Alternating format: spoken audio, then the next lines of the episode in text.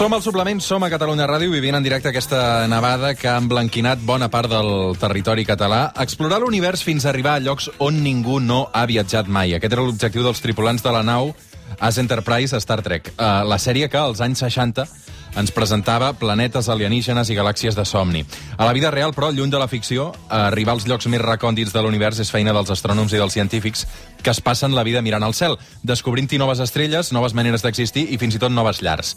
Això és el que fan el Guillem Anglada Escuder, bon dia i bona hora. Hola, bon dia, Roger, què tal? I també el Joan Anton Català, bon dia i bona hora. Molt bon dia, Roger. Joan Anton Català ja el coneixeu, és la veu científica del suplement, cada diumenge a l'hora que surt el sol ens acompanya.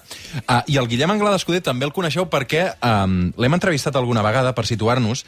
És un dels científics catalans més importants. La revista Time el va considerar una de les 100 persones més influents del món, una llista on també hi havia el papa Neymar o Donald Trump, no sé si és bo o dolent estar en aquesta llista, tot plegat gràcies al descobriment de Pròxima B, un exoplaneta que podria tenir condicions similars a la Terra. De seguida anirem a tot això, però abans, les coses importants.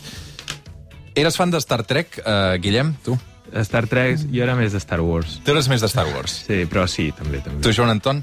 Jo, la veritat que no gaire, no sé, de Star Trek no, potser més de Star Wars, en general de totes les pel·lis, eh, de ciència-ficció, però Star Trek reconec que no, no del tot. Estic molt content perquè ha coincidit avui que tenim un fenomen meteorològic com és eh, aquesta tempesta Filomena amb la vostra presència, perquè vosaltres eh, us dediqueu a mirar el temps cada dia, però d'una manera diferent a com ens està afectant avui, no?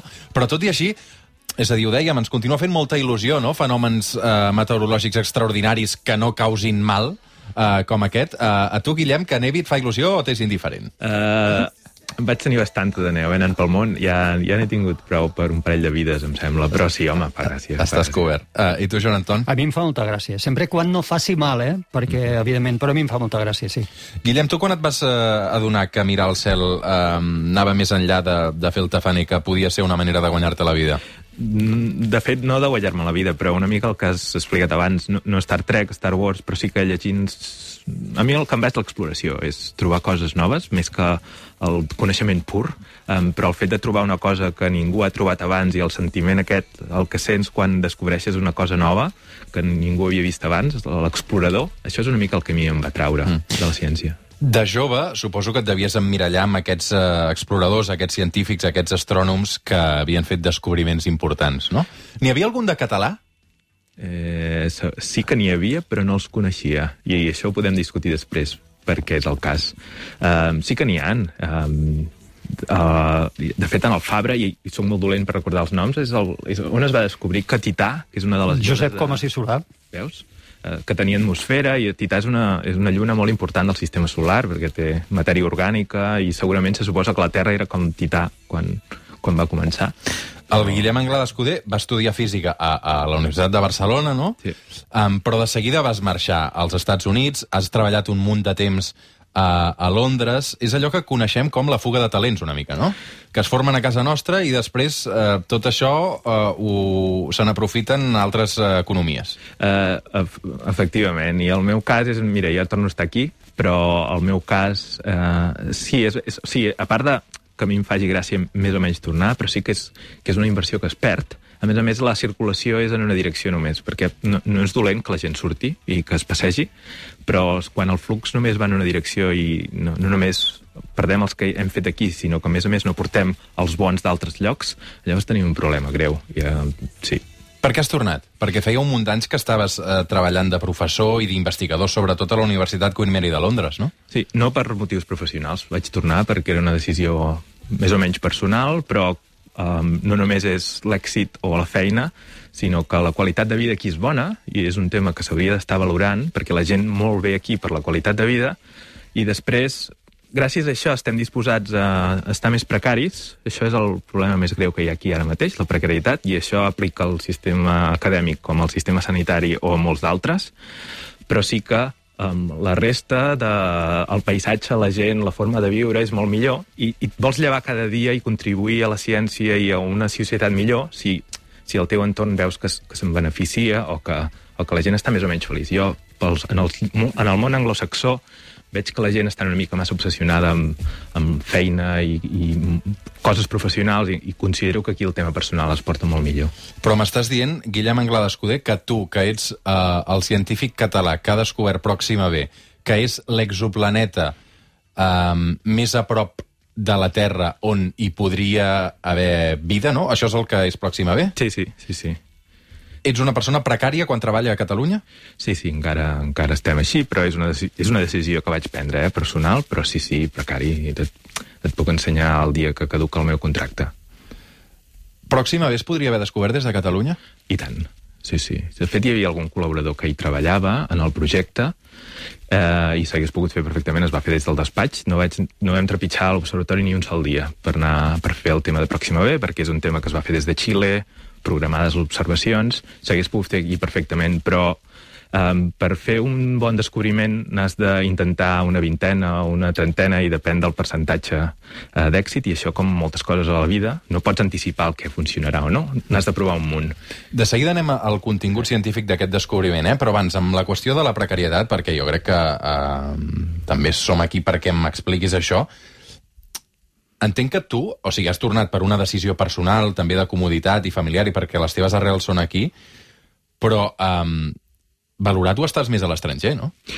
Sí, no crec que tinc, no, no és per tirar-me floretes, però no crec que tingués problema per treballar en un altre país. Ja estava a Anglaterra i tenia plaça de professor, i inclús he tingut ofertes per anar a treballar als Estats Units, i això, i no, o, si posés un currículum a qualsevol altre lloc, segurament no tindria problemes. I per què a Catalunya tenim el panorama que tenim? Bueno, és un tema de legislació, de com es pot contractar o no professorat. És un tema purament de legislació, però jo arriba un moment que després de dues dècades que anem parlant de legislació, entenc que la gent hauria d'entendre els votants, eh, quan votem els, els, els nostres polítics, al final és, és una cosa cultural. Um, ens, ens, som precaris perquè ja ens està bé que siguem precaris, i això aplica als acadèmics com aplica al sector sanitari i a molts d'altres. Um, hem de canviar una mica el xip i no hem d'esperar que els polítics ho facin. Els polítics són, al final, la punta de llança del que tots pensem una mica, i aquí és una mica d'introspecció que hem de fer. Però precisament amb l'any que hem viscut, en què la investigació i la ciència s'ha posat en valor com s'ha posat, no?, amb la pandèmia?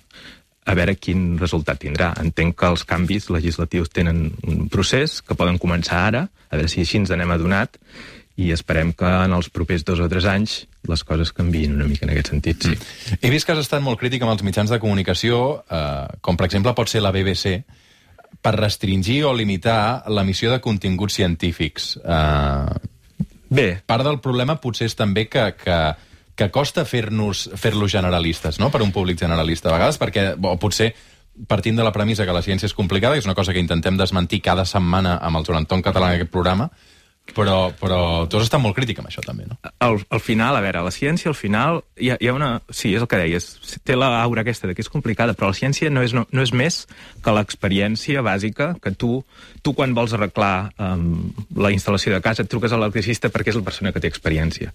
La persona que sap entendre l'economia és l'economista i és un científic. La persona que sap solucionar una pandèmia és l'epidemiòleg perquè és la persona que hi ha dedicat anys, no perquè sigui una persona sagrada que té, um, que té saviesa bellesa infinita, sinó que és l'experiència acumulada que portem molts anys acumulant i anem entenent. Quan entenguem que el científic és l'expert en diferents temes i que se l'ha de consultar, els polítics no són infinitament savis, quan entenguem això, um, jo crec que també farem un pas una mica més endavant. A altres llocs, a altres països, això ho han entès des de fa molts anys, el, el polític és bon polític si s'assessora bé, no si simplement um, dona cops de volant i, i es, es pensa que és Winston Churchill, um, que n'hi ha alguns que també s'ho pensen. Sí. 5 minuts per arribar a 3 quarts d'onze del matí. Uh, no estem entrevistant Winston Churchill, estem entrevistant Guillem Anglada Escudé, uh, un dels científics i el descobridor de Pròxima B. Parlem de ciència, va. Va. Uh, què és un exoplaneta? Exoplaneta és un planeta, de fet ara ja està al Diccionari de la Llengua Real Acadèmia Espanyola, um, no el català, per cert, no, um, és un planeta que està fora del sistema solar, que orbita una estrella que no és el Sol. Tu vas descobrir Pròxima B, que aquest és l'exoplaneta que és més proper a la Terra, no? Exacte, sí. Què sí. té Pròxima B? Que el podria té unes condicions similars a les que podria ser el planeta Terra? Sí, va ser una, és una combinació de, de diversos factors, de, una mica de loteria. Eh, jo tenia una mica d'obsessió amb l'estrella, perquè quan era petit és una estrella que em va inspirar el tema de que hi hagués aquesta estrella tan propera al Sol que es digués pròxima i tot plegat, i simplement és, és que és un planeta amb característiques similars a les de la Terra, i ens ha tocat la loteria en el sentit de que l'estrella més propera al Sol, el planeta aquest està allà, no s'havia detectat fins que ens hi vam posar en sèrio, i a part d'això que és petit, té una temperatura semblant a la de la Terra i que eventualment de, de la, en la propera dècada podríem aprendre si, per exemple, hi ha evidència de vida en aquest planeta. Que és la gran pregunta que amb el Joan Anton Català sempre intentem resoldre si hi ha vida més enllà de la Terra, no? Exacte, ja, ja saps que tots pensem i desitgem que, que sí, sí, estem quasi segurs, però no necessitem l'evidència.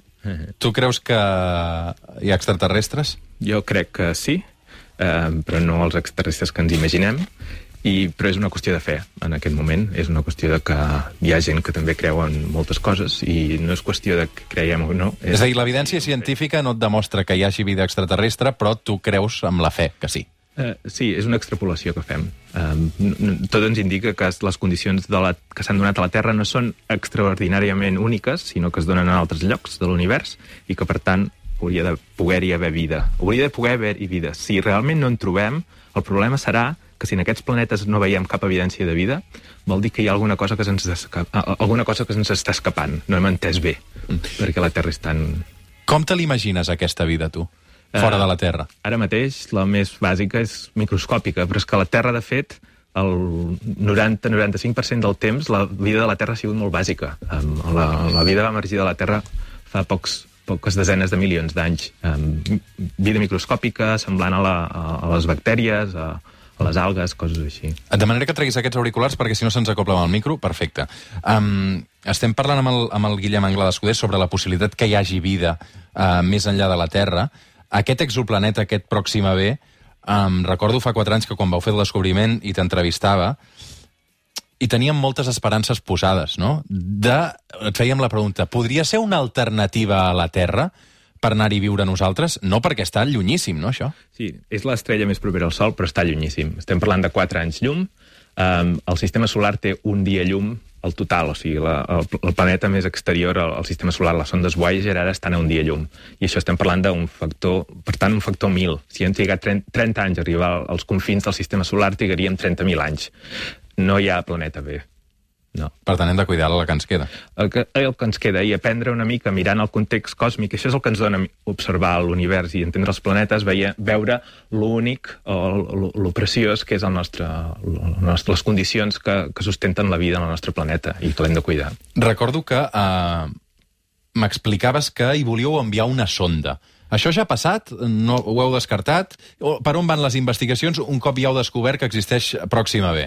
No, uh, bueno, la sonda. La sonda, això, hi ha, hi ha un, un grup d'americans um, i anglesos i tot de gent posats, així, aquests multimilionaris que volen planificar, ficar una, enviar sondes eventualment d'aquí 100 anys potser que arribin amb uns làsers i unes històries. Ells van continuant amb la seva i van pensant-hi, però és el que dèiem de la innovació. De les 100 coses que proves, n'hi haurà unes poques que funcionaran i el que mai faré és criticar una iniciativa que, que té visió i que potencialment pot portar a un descobriment important. De moment, el que farem és intentar caracteritzar-lo remotament amb telescopis terrestres i o de l'espai la propera dècada. Tu estàs treballant sobre Pròxima B des de Catalunya o no, ara? Vaig fent cosetes, eh, però és una mica que estem en punt mort ara mateix. Però et paguen per investigar sobre Pròxima B o no? Sí, ara em paguen, eh, estic molt bé, de fet, perquè que dèiem abans, que estic de precari, però per altra banda puc fer una mica el que vull, perquè tinc un tipus de, de contracte, Ramon i Cajal és igual, mm -hmm. que em permet fer la investigació que vulgui. Faig Pròxima B, però ara també estic fent coses d'exploració planetària, de Mart, eh, de la Lluna, per una mica intentar evolucionar. Jo crec que en les dues primeres, de, primeres dècades la, la nova revolució serà iniciar l'economia des de l'espai. A l'espai i des de l'espai, també. Uau. Bueno, Què vol dir això? Vol dir, en comptes d'anar a la Lluna només per agafar unes quantes mostres, començar a manufacturar des de la Lluna, començar a posar una base, com les bases antàrtiques... Però les una base militar o una base de què? No, base científica. Perquè això, això ha passat també en pel·lis, no? Vull dir que s'ha... Pel·lis i en la realitat. Les, les bases més grans militars a l'Antàrtida són militars. O sigui, les bases més grans són, són militars. Però també porta una certa investigació i unes certes coses que està, està al, al punt de passar l'espai, nou espai, està exponenciant, mm i és una cosa que els, el, la geopolítica del món a més ho està portant, els xinos, els americans estan Qui posarà la bandera a la Lluna per crear-hi una base... Eh... L'última bandera la van posar els xinos fa un mes. No hi va anar una persona, va, era un robot, però la van plantar, eh? Hi ha fotos de la, de les, pots, les pots trobar al Twitter, sí. De seguida parlem de Mart i de la Lluna també amb el Joan Anton, eh, perquè també us vull convidar per, per parlar d'aquests reptes científics de l'any 2021. Però tornant a la qüestió de la vida, eh? Si no trobem una alternativa a la Terra, l'espècie humana està condemnada a extingir-se? Eh, és a dir, som massa gent a la Terra avui dia o no? Eh, diverses coses. O sigui, la, la vida a la Terra està la vida a la Terra tal i com la coneixem està condemnada a extingir-se, a canviar. El planeta canvia contínuament. Uh, si nosaltres, com a espècie i com a civilització, ens extingim abans, és probable. No ens extingim així d'un dia per l'altre o amb la pandèmia que ens agafi tots un patatús, però sí que anar caient a poc a poc. Que aquest és una mica Um, ja li deia abans al Joan Anton que tinc la sensació que estem una mica com quan els romans, quan Roma començava a col·lapsar, que començaven a passar coses contínuament i cada cop més greus. Estàvem el canvi climàtic, que no se n'ha anat abans que comencés la pandèmia. Um, tenim problemes geopolítics, tenim els fake news, tenim el trumpisme, etc etc. Uh, hi ha tanta coses, hi ha com tot de símptomes de que les coses no estan anant bé i la gràcia que tenim ara és que tenim perspectiva i, i tenim més educació i hauríem de poder reaccionar. Suposo que podrem fer-ho, però realment depèn del que fem en les properes dues dècades. I, I el que ens dona la ciència, el que ens dona la història, és la capacitat aquesta de fer-ho, d'actuar com a espècie, no com a individus, sinó de, de, de, de, de prendre decisions col·lectivament i que puguem solucionar-ho. Tenim la possibilitat de fer-ho, però no està clar que puguem, eh? Jo no, no, no les tinc totes, tampoc. Què et fa dubtar? Que em fa dubtar que eh, la velocitat a la que s'ha reaccionat a la pandèmia i a la gent que ostenta el poder no necessàriament es regeixen pel bé comú, sinó que hi ha com molta, molta història eh, que no acaba d'estar clara i, i, i hauria d'estar una mica més regulat, una mica més qualificada la gent que ho porta, entendre que l'expert és el que t'ajudarà a solucionar els problemes, no la idea brillant que un dia tinguis que et llevis i, i ara, no sé, no, podria dir mils exemples que ho estem veient dia a dia, com la política i la ciència es barregen i que no acaba de funcionar bé el tema. Um, és una mica que, que aquest polític es, es doni en compte, s'adoni de que no és l'expert mundial, no cal que ho sigui i que s'ha d'assessorar i que hem de utilitzar aquesta experiència acumulada de la ciència, que això és una eina i s'ha d'utilitzar. Si no, acabarem com, bueno, com els romans i vés a saber.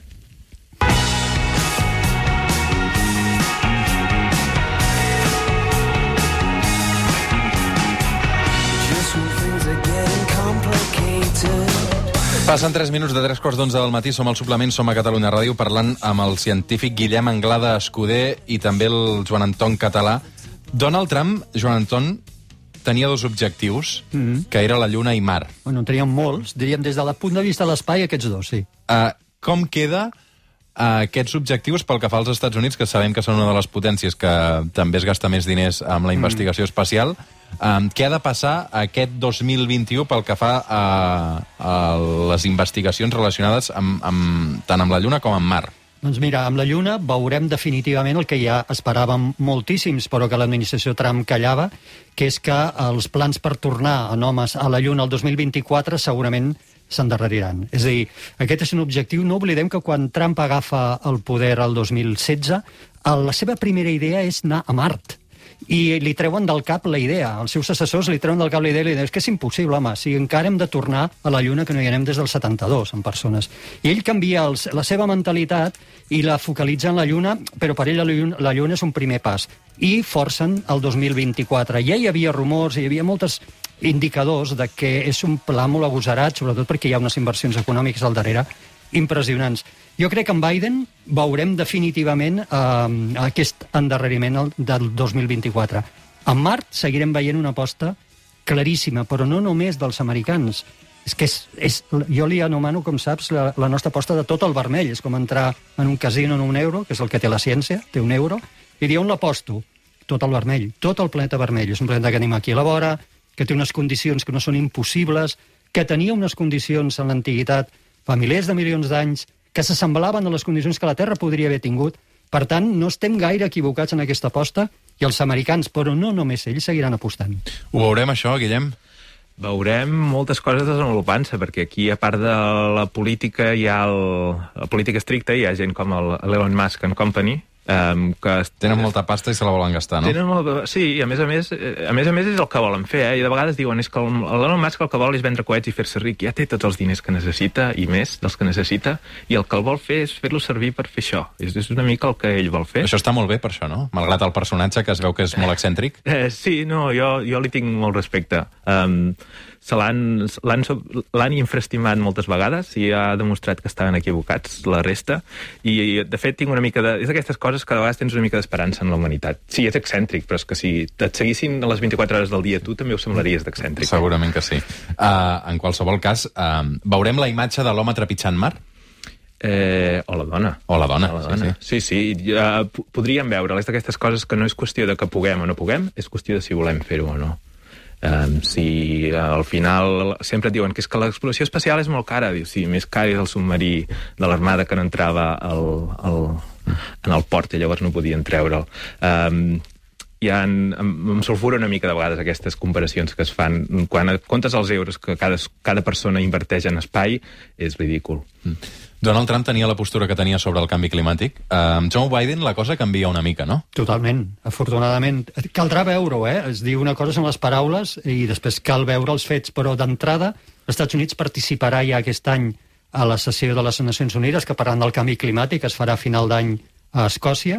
Ell ja ha anunciat que els Estats Units retornen, tornen a entrar en el pacte de París del canvi climàtic que Trump havia abandonat Després, com et dic, caldrà veure les accions. Altres s'han posat les piles, els Estats Units encara no se les ha posat. A Europa s'ha posat les piles. La Xina sembla que es comença a posar les piles i han anunciat que per la dècada dels 50 al 60 volen ser zero de, de CO2, és a dir, emetre la mateixa quantitat que, que treuen de l'atmosfera de CO2, ser neutres en això.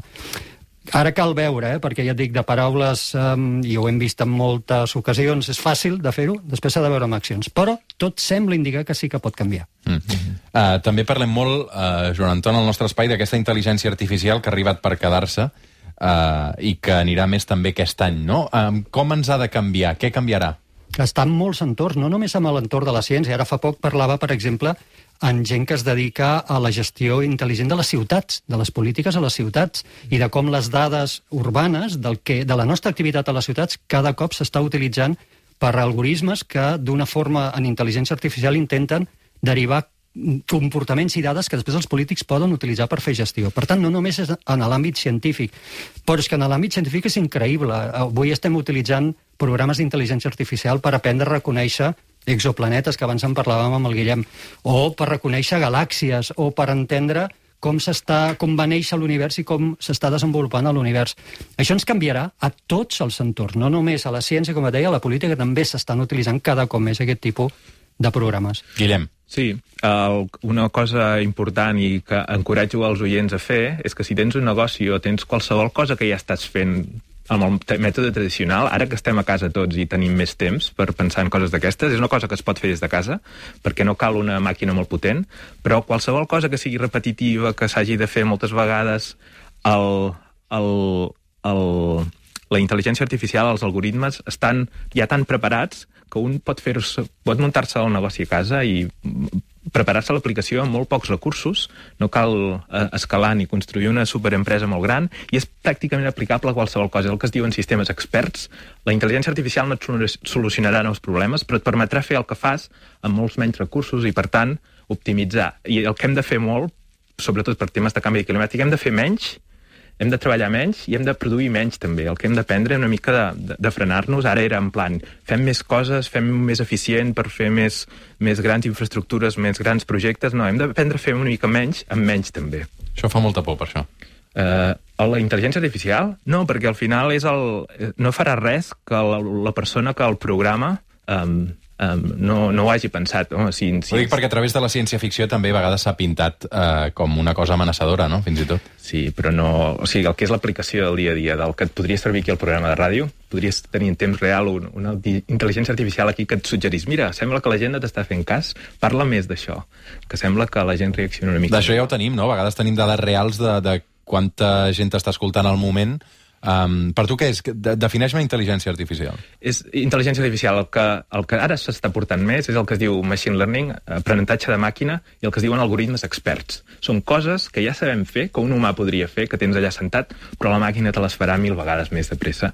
I, per tant, no cal tenir l'esclau allà enganxat a la pantalla, clicant cada, cada cop que s'encén un llumet verd, sinó que t'ho farà la intel·ligència artificial o en els horts, a l'agricultura, a la manufactura, dissenyes màquines, i no cal que dissenyis l'algoritme a mà, sinó que la màquina aprèn per exemple. O sigui, no, no o sigui, és d'alguna manera el que va passar en segles anteriors, en què les màquines van substituir els, tra van substituir els treballadors i hi havia aquest temor eh, aplicat a una altra escala, no, ara? Sí, sí, sí, és exactament el mateix que la revolució industrial. I, i hem de perdre-li una mica la por tindrem més temps lliures, que el que hem, també hem d'aprendre és que les màquines ens alliberen. Um, el que no hem de fer és treballar segurament 40 hores a la setmana, segurament podrem treballar tots, menys, és el que deia abans, fem menys, treballem 20 hores a la setmana, deixem que les màquines facin la resta, salari mínim universal, totes aquestes coses, i podem evolucionar. De fet, hi ha la possibilitat de fer-ho i hauríem de fer-ho. On s'ha de firmar? Perquè, bueno, s'ha de firmar, hem de votar qui hem de votar. Didn't know what time it was, the lights were low, oh,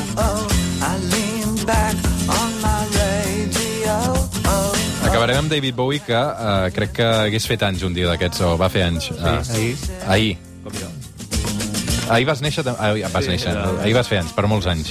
Uh, Guillem Anglada Escudé, un plaer també escoltar-te. Ara que ets a Catalunya et convidarem més sovint, investigador en astrofísica a l'Institut de Ciències de l'Espai del CSIC, perquè sempre, Joan Anton, és un plaer poder-lo escoltar, no? Oh, i tant, és un luxe. Moltes gràcies, Joan Anton, tu i jo. Demà a dos quarts de vuit del matí, sí, cita senyor. també amb la ciència, com cada diumenge al suplement. Gràcies a tots dos. Gràcies. Moltes gràcies, Roger.